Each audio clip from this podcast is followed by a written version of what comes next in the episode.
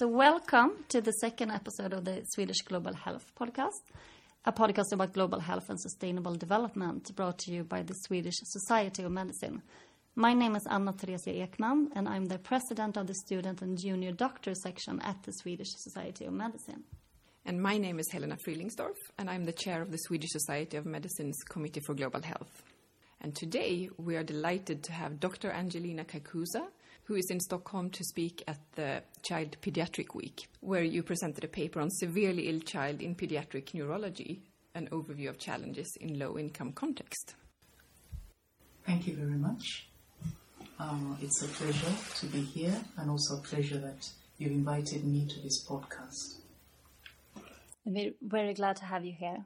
So you are a well-renowned child neurologist who studied medicine and completed your residency in pediatrics at Makerere University College in Uganda. You then went on to obtain your doctorate in medicine in the field of pediatric neurology as a joint degree between Makerere and Karolinska Institutet for the dissertation on cerebral palsy in Ugandan children.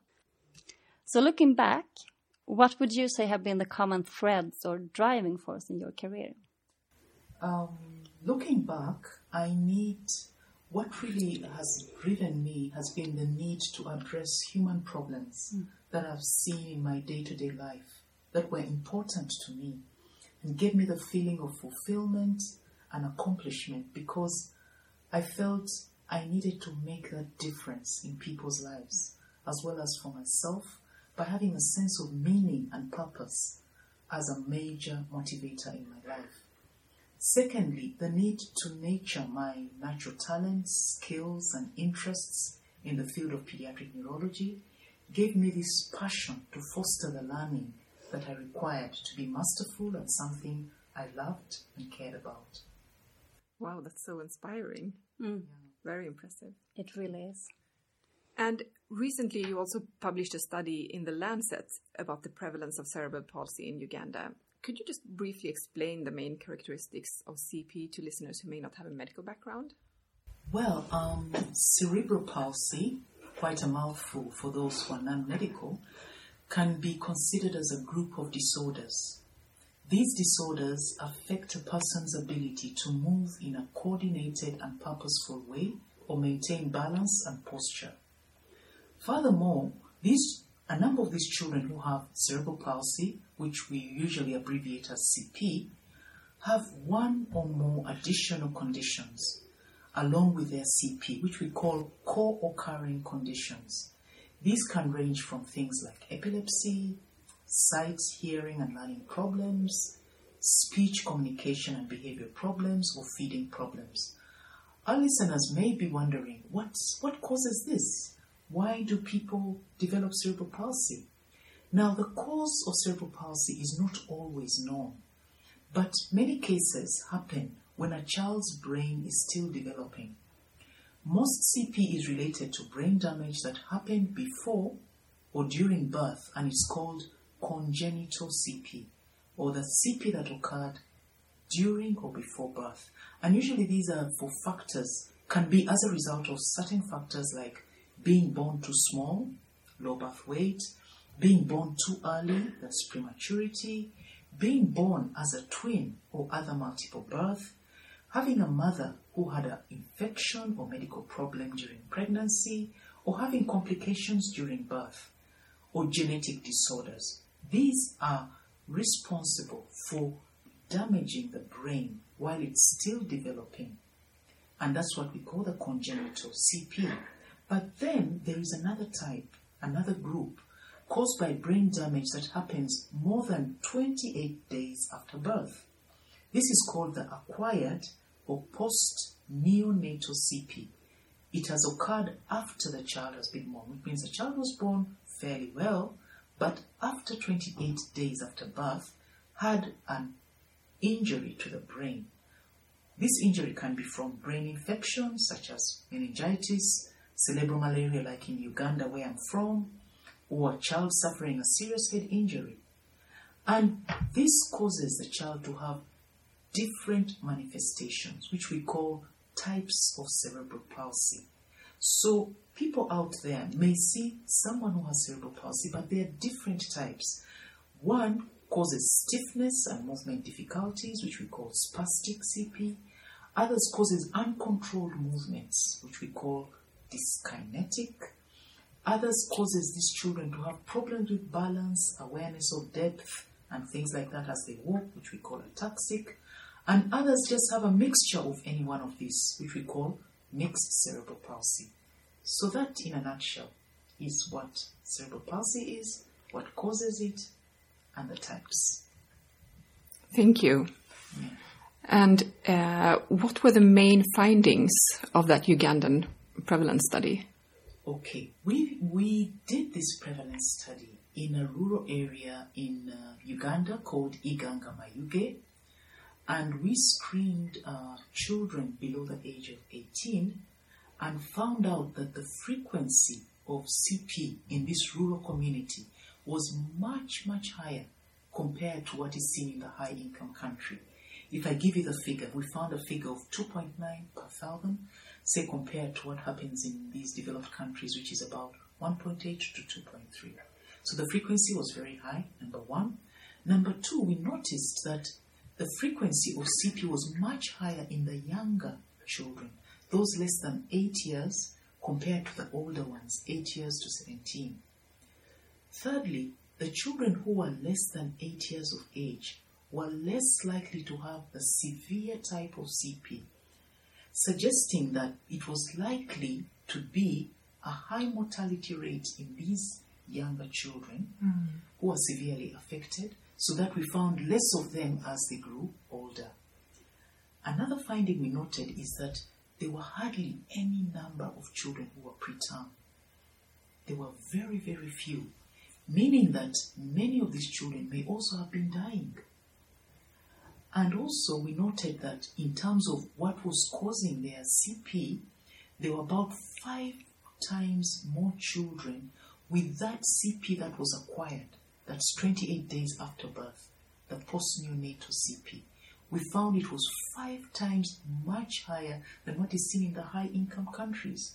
And most of this could have been as a result of cerebral malaria or seizures, which are common in this population. So, based on this, you see that there were disparities, differences from what is seen in the high income countries like Sweden and our setting. And that's, of course, very important to know, and, and some of your findings are quite alarming. Yes, quite alarming. So, so based on this, what would you say? What's the, the situation for children with disabilities in Uganda, and, and what actions and interventions are needed to to support them? Now, children with disabilities are one of the most marginalized and disadvantaged groups in society in many low income countries. And in general, disability data in Uganda is quite limited, mostly present at the national level with hardly any information at the local level, which poses challenges in planning and targeting services for disability on the whole. However, there was a situation analysis study that was done by UNICEF on the rights of children with disabilities in Uganda in 2014, and it estimated that 13% of the population which translates to about 2.5 million children, live with some form of disability in Uganda.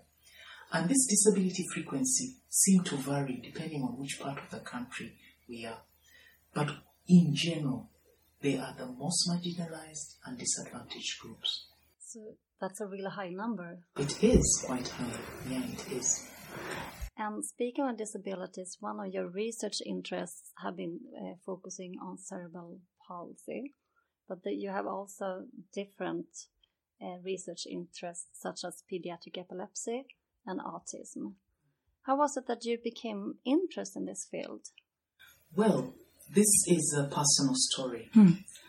I had my late brother who suffered from these conditions, and he died at the early age of 30 years from sudden unexplained death associated with epilepsy. It was quite devastating for me because we were very close.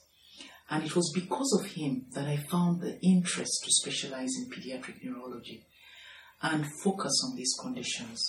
So in my practice, I feel gratified in treating many children that I see with these conditions, in them I see my brother. Wow, that's such a powerful story. Yeah, it is. But uh, the people close to you tend to direct what you are interested in and what you want to do in the future. And for my brother, he did it for me. So you have a joint PhD from Makerere University College of Health Science and Karolinska Institutet. And you are also one of the founding members of the East African Ac- Academy of Childhood Disability.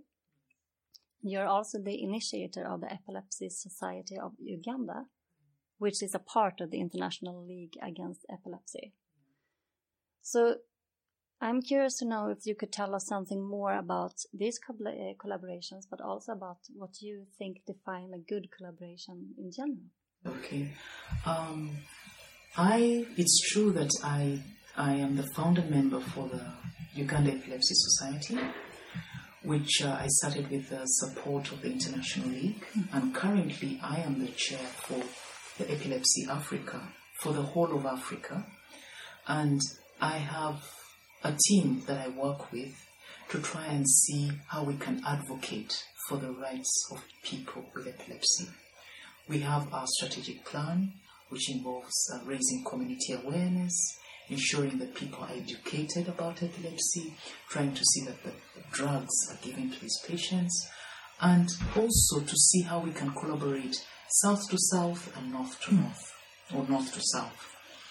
In addition, together with uh, my former supervisor, Professor Hans Forssberg, we were able to team up with a group from Kenya, some people from Rwanda, Ethiopia, to make the East African Academy of Childhood Disability. So I am a founder treasurer. We have our chair, she's in uh, Nairobi, uh, Dr. Samia Pauline. So with this uh, East African Academy of uh, Childhood Disability, we try to raise awareness about uh, disability in the region. We rotate at least every year, going to different countries and presenting uh, papers regarding childhood disability. We usually tend to piggyback on the uh, National Pediatric Epilepsy Association meetings and have maybe one or two days of those meetings where we talk about the disability to raise awareness and see how best we can move this agenda forward. So, um, this work in uh, epilepsy and disability are interlinked because we know that epilepsy is one of the biggest stigmatized illnesses, both in adults and in children, and it is can be considered disability. Yeah, Absolutely. And that sounds so exciting and uh, promising for the future. So that brings me to our last question. So, if a student from, say, Sweden would like to come to you to do a PhD uh, at Makerere, uh, what skills are you looking for in that student? Well, first and foremost, it will be really lovely to have a student come over to Africa because you know there's a lot of um, there's a lot that we can learn from each other. They learn from us and we learn from them. I have been able to be in both worlds because I studied for my doctorate in Sweden and I also work in Uganda. So I see the difference between those two. If someone is just to come in and study in Sweden, you may not know what happens out there in the world. And when it comes, the world is now a global market. People have got to know what is actually required in those different areas. A student coming to an area like a low resource setting like Uganda has to be ready to have an open mind because there is a lot that is unplanned for, anything that can happen. You have to be very adaptable because you're not sure what's going to be the next thing. One day you can be working and all of a sudden the electricity goes off. So you have to think of plan B. What am I going to do when the electricity is off? So you have to also know maybe if there is something that is not there, what can I improvise?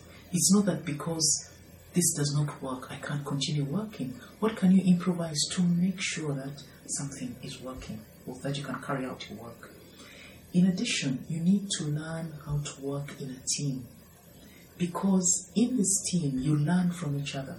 You can learn from the cleaner, you can learn from the nurse, You can learn from the driver.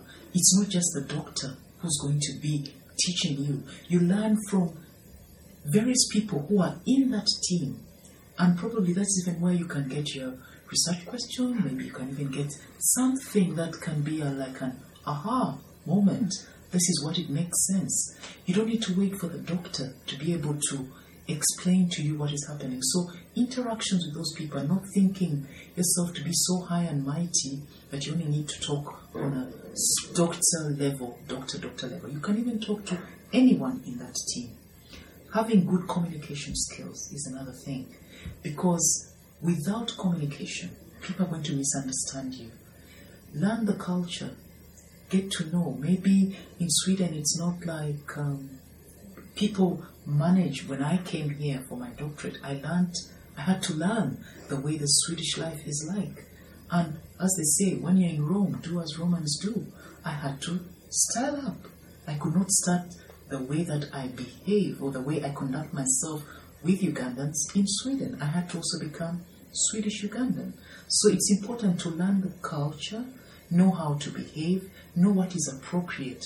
Do not offend, because that already is going to change people's attitude about you. People will judge you in a different way. Learn the culture, learn how to behave, communicate well, be adaptable, have an open mind. And the sky is the limit. Thank you so much for that wonderful summary. And that's what collaboration is really about. Hmm. Yes, yes. And with uh, collaborations, of course, it's um, important to know that you start small. Start small and not so big. I mean, things start small as you get to know each other. You have to have patience, get to learn the people that you're going to collaborate with. Do you share the same ideals and goals? Do you have the same ethics and standards? Are you willing to respect their culture? And things like that. All those are very important for your future collaboration. Without that, if you're in a hurry and you think it's just a matter of Professor X and Professor Y, hmm. it's not as simple as that. There are those intricacies which are fundamental to ensure sustainability of this collaboration, without which you may have the science, but things are not working. That's very crucial for that. It's very true. Thank you so, so much for coming and sharing a bit of your knowledge with us and the listeners. And Most welcome. thank you so much. Okay, thank you too. Thank you for the opportunity. And I wish it will be able to inspire many young people who are thinking of coming to a low resource setting to carry out research and also to collaborate. Thank you very much. We're Sure, it will be. Mm. Thank you so much. You're welcome. Thank you too.